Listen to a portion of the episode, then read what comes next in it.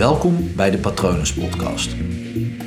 Mijn naam is Paul Vet en in deze podcast deel ik inspiratie voor een leven vol vrijheid en verbinding.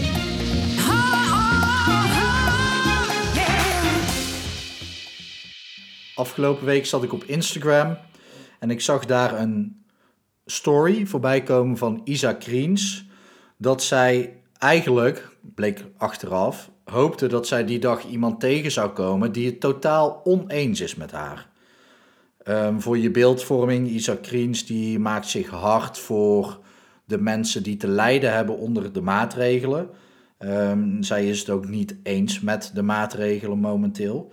Dus zij was eigenlijk op zoek naar iemand die het oneens was met, ja, en of dat dan haar uh, zienswijze, haar mening of uh, wat ze doet was, dat weet ik niet. Maar daar was ze naar op zoek.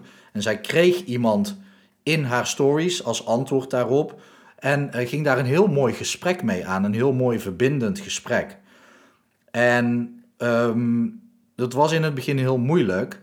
En uiteindelijk vonden die mensen elkaar. Dat heeft ze uitgebreid gedeeld op de stories.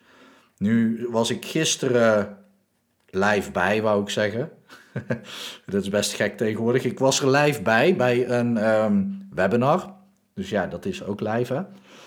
Uh, op YouTube, Whisky en Wijsheid van Tibor, Tibor Olgers. En hij had een gesprek met Thijs Launsbach, een psycholoog.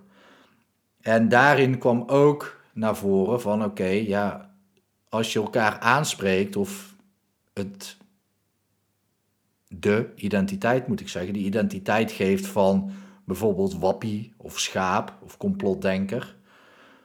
Um, wel interessant, want ik weet niet wat de tegenhanger is voor de mensen die dat dus niet zijn. Zijn dat dan de normaaldenkers, wat de norm is dan? Uh, niet dat ik het altijd eens ben met de norm, want meer dan 50% van de mensen heeft uh, last van obesitas. Uh, in Nederland heb ik het dan over, in Amerika is dat meer. Dus dat is dan de norm. Hè?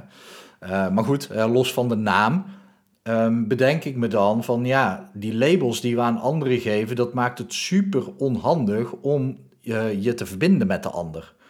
Want op het moment als jij vanuit jouw zienswijze iemand een wappie noemt en dat heeft een negatieve connotatie, zou ik bijna willen zeggen, gewoon negatieve klank, negatieve um, beeld voor jou, dan is het heel moeilijk om die persoon, om met die, die persoon in gesprek te gaan. Want dan is automatisch alles wat die persoon zegt, um, ja, iets dus wat een wappie zegt. Of wat een schaap zegt aan de andere kant. Oh ja, schaap is natuurlijk de tegenhanger.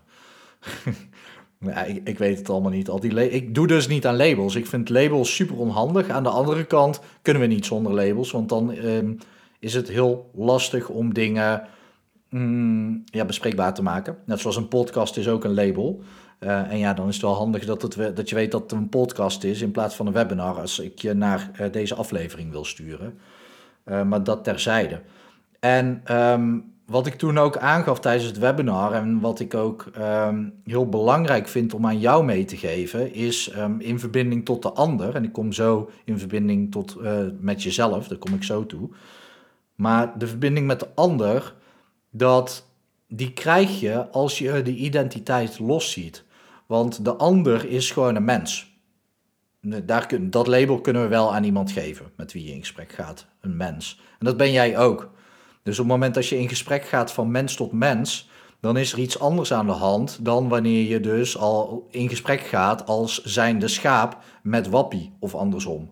Dat, dat klinkt sowieso al meteen een beetje heel vaag en ik, ik zie meteen een heel raar, hele rare animatiefilm voorbij komen. Schaap ontmoet wappie. Er was eens een schaap en een wappie. Wauw. Uh, voor iemand die niet aan labels doel, uh, doet, heb ik al heel veel labels genoemd natuurlijk. Um, maar van mens tot mens, van hey, jij bent een mens en ik ben een mens. En jij um, vindt iets anders van iets dan ik. Laten we daarover in gesprek gaan. En dan kan je dus van mening verschillen over wat diegene vindt of denkt. Uh, maar niet dat het de mens is van vlees en bloed. En dat maakt het al meteen een veel normaler gesprek, want dat maakt het meteen gelijkwaardig. Want op het moment dat jij de ander bestempelt als het een of het ander, dan um, lijkt het wel alsof je de ander kleiner maakt dan dat jij bent. Omdat je de ander eigenlijk aan het ridiculiseren bent. En ridiculiseren is heel handig als je het over problemen hebt, maar niet als je het over mensen hebt. Want ja, ik weet niet of dat jij ooit een hele fijne verbinding bent aangegaan met iemand die jij hebt geridiculiseerd. Dat werkt een stuk, stuk minder fijn. Dus op het moment dat jij in gesprek gaat met de ander en die heeft een andere mening, of die doet iets anders dan dat jij doet, of die vindt iets anders dan wat jij vindt, die denkt anders, dan is dat gedrag. Dan doet diegene dat. Dat is diegene niet. En dan kom ik uit bij jij bent niet je probleem. Ik, um, en dit is ook waar Edwin Selei het heel veel over heeft natuurlijk. Ik had laatst een cliënt en ik vraag altijd aan het begin van de sessie: wat is het probleem waar jij doorheen gaat werken? En de cliënt die zei tegen mij: ik ben depressief. Dus ik kwam opnieuw omhoog uit mijn stoel en ik gaf diegene een hand. En ja, daarna dacht ik pas, hé, hey, uh, hand. Uh, maar ik gaf diegene een hand. Ik zeg, hoi, ik ben Paul. En mijn cliënt keek me heel raar aan en die was een beetje verwacht. Dat duurde ongeveer een minuut. Want het is natuurlijk raar als ik vraag hè, in, in uh, de gedachten van mijn cliënt um, wat zijn probleem is, dat ik dan zeg, ik ben Paul. maar toen viel het kwartje. Hij zegt, oh wacht, ik ben, ik, ik ben Oh, is het dan, ik heb een depressie? Ik zeg, ja, dat is wel een volgende stap, maar dat is niet hoe het uh, goed werkt voor je.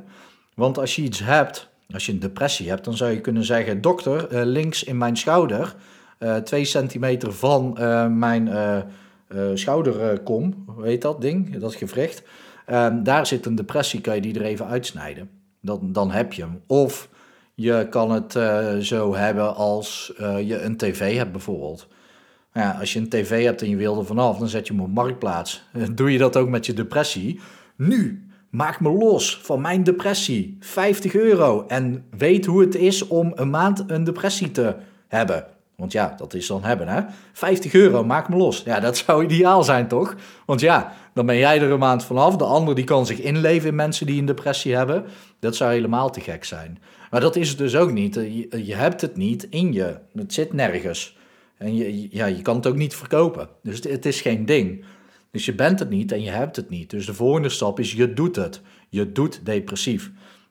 En dan moet ik er meteen bij zeggen dat sommige mensen daar wel eens een uitdaging in hebben. Dat ze ervan schrikken dat ik dat zeg. Want als je het doet, dan maak je meteen ook verantwoordelijker voor. Dus dan kan je ook zeggen, oh, dan kan ik het zelf niet doen. En dat is meteen ook spannend. Maar dat klopt wel. Bovendien klinkt het misschien wat bagatelliserend. Want als je het doet, dan klinkt het als iets waar je bewust voor kiest. Maar dat is natuurlijk iets anders. Je kiest er niet bewust voor, maar je doet het wel. En op het moment dat jij het doet, dan is er dus ook een manier om het niet te doen. En dat maakt het veel makkelijker om mee aan de slag te gaan. Dus voor het probleem waar jij dus tegenaan loopt, ja, je doet het.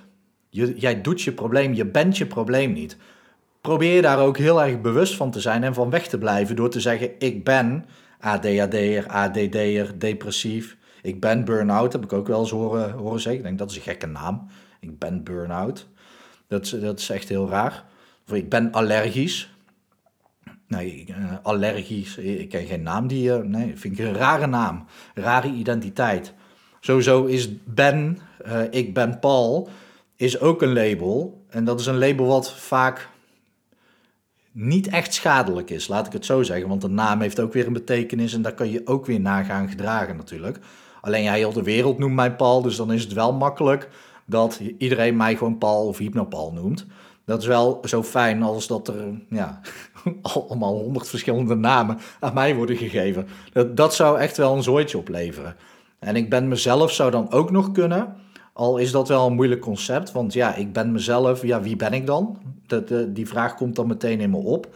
En vaak doen mensen hun hele leven uh, over om erachter te komen wie ze zelf zijn, om er dan aan het einde achter te komen dat ze al die tijd al zichzelf zijn geweest. Uh, maar dat zijn de enige twee labels die misschien handig zijn, tenzij je gaat affirmeren en het ook als een uh, goed iets gaat doen. Bijvoorbeeld, ik ben gezond.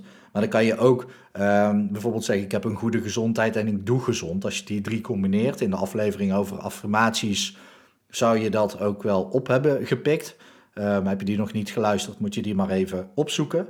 Maar als, als je op deze manier naar, naar jouw probleem gaat kijken, dan wordt het al een stuk lichter voor je. Aan de ene kant. Aan de andere kant kan het spannend zijn dat je denkt: ik doe. Ik doe mijn probleem. Uh, ja, hier zit ook een, uh, nou geen disclaimer in de zin van dat het onzin is. Ehm, maar wel een disclaimer in. ehm, sommige dingen zijn heel spannend om te zeggen ik doe. En ik geloof, en ik weet, ik weet, ik weet dat het zo werkt. Ik zeg vaak ik geloof omdat het dan, omdat je dan het oneens met mijn geloof kunt zijn en dan kan je makkelijker het gesprek aangaan. Vandaar dat ik dat vaak zeg. Maar ik weet dat op het moment dat jij zegt ik doe met alles in je leven, dan heb jij er ook veel meer invloed op. Dan kan je namelijk de invloed pakken die je erop hebt. En op het moment dat je dat dus niet op die manier doet, dan wordt het heel moeilijk om problemen in je leven te veranderen. Waarom ik het een beetje als disclaimer noem, is omdat je ook bijvoorbeeld een ziekte kan hebben. Uh, dan zeg ik hebben, maar die doe je dus ook. En ja, die kan dus ook, uh, kijk, een, een, een, virus bijvoorbeeld, een griepvirus, laten we het daarover hebben. Um, ja, die kan dus in jouw neusgat komen of in je mond komen. Maar daarna doe jij de griep. Is dat dan jouw verantwoordelijkheid? Ja, jij doet de griep en het is jouw lichaam, dus jij zorgt ervoor dat je gezond moet worden. Niemand anders. En is het dan helemaal 100% jouw schuld dat jij de griep hebt binnengekregen? Uh, misschien wel, misschien niet, alleen dat doet er dan niet meer toe. Het heeft gewoon nut om bij alles wat je doet te zeggen: ik doe het. En dat helpt je enorm als je daar volledig achter kan gaan staan. En ja, je kan je kont in de krip gooien, wat echt wel, wel eens gebeurt bij uh, cliënten ook van mij. Um, daar kan ik dan in een één op één gesprek natuurlijk veel dieper erop ingaan en daar veel meer over uitleggen. Maar met name ook vragen stellen aan de cliënt, zodat diegene uh, daar wel achter zou kunnen staan. En dat is in een podcast natuurlijk moeilijk, omdat ja, ik weet niet wie dit allemaal aan het luisteren is. Jij, jij, maar ik weet niet wie je bent. um, het helpt je enorm om erachter te komen staan van ik doe mijn probleem. En um, op het moment dat jij daarachter kan staan voor jezelf, dan kan je het dus ook makkelijker oplossen. Want dan ga je naar oplossingen zoeken om dat niet meer te doen. En dat is veel makkelijker dan te zeggen: ik ben depressief en hoe kom ik daar vanaf? Want als jij jezelf identificeert met depressiviteit, dan is het heel moeilijk om daar vanaf te komen. En daarnaast dus over de ander. Op het moment dat je uh, met een ander spreekt, zie diegene als mens en zie zijn of haar gedrag als een gedrag. Wat ze doen, uh, wat ze vinden, wat ze denken, wat ze uitdragen. Dat is niet de mens. De mens is iets anders. Uh, op het moment dat je dat beseft, dan helpt het je gewoon in heel je leven met alles. Zo kan je dus bijvoorbeeld ook nee zeggen tegen iemand. En dan zeg je niet tegen de persoon nee, maar tegen datgene wat hij van je vraagt. Als je dus gaat zien dat de mens een heel ander deel is, of een veel groter deel dan datgene wat iemand doet of zegt, dat geeft je zoveel meer ruimte voor verbinding. Dus met jezelf ook, want jij bent dus ook niet je gedachte, jij bent niet je gedrag. Um, al komt je gedrag wel iets meer in de buurt bij wie je daadwerkelijk bent. Maar dit is weer een ander verhaal. Dat is als je op zoek bent naar jezelf. Maar op het moment dat jij dus van jezelf weet, hé, hey, ik doe dingen, maar dat ben ik niet, dan kan je jezelf uh, kan je er makkelijker van loskomen. En dan kom je uiteindelijk uit bij wat ik het liefste wil voor iedereen. De verbinding met jezelf. Hoe dieper jij met jezelf verbonden bent, hoe dieper je ook met de ander kunt verbinden. En dan kan je dus veel meer als waarnemer te werk gaan en vanuit verbinding met mensen communiceren in plaats van vanuit je hoofd en labeltjes. Heb je hier vragen over? Laat het me gerust weten. Volg me ook vooral even op Instagram, hypnopal.nl. Uh, je mag me ook even toevoegen op LinkedIn, dat vind ik leuk. Uh, gewoon even zoeken op Paul Vet. Vet is met een H op het einde. En ja, mocht je echt ergens tegenaan lopen in je leven, binnen drie sessies help ik je van je trauma af. Uh, ik kreeg van de week nog een app van iemand die zegt: Ja, ik ben nu bij jou geweest, drie sessies. En nu kon ik eindelijk bij de psycholoog terecht, na de wachtlijst dus. En ja, de psycholoog zei, oh, uh, ja, nu, nu valt er eigenlijk niks meer voor mij te doen. Dus ik had diegene inderdaad al geholpen um, voordat hij überhaupt bij de psycholoog terecht kon. Dus ja, laat het me vooral weten. Je mag me altijd mailen op paul.hypnopal.nl en op www.hypnopal.nl kun je precies zien wat ik voor je kan doen en kan je ook even het contactformulier invullen.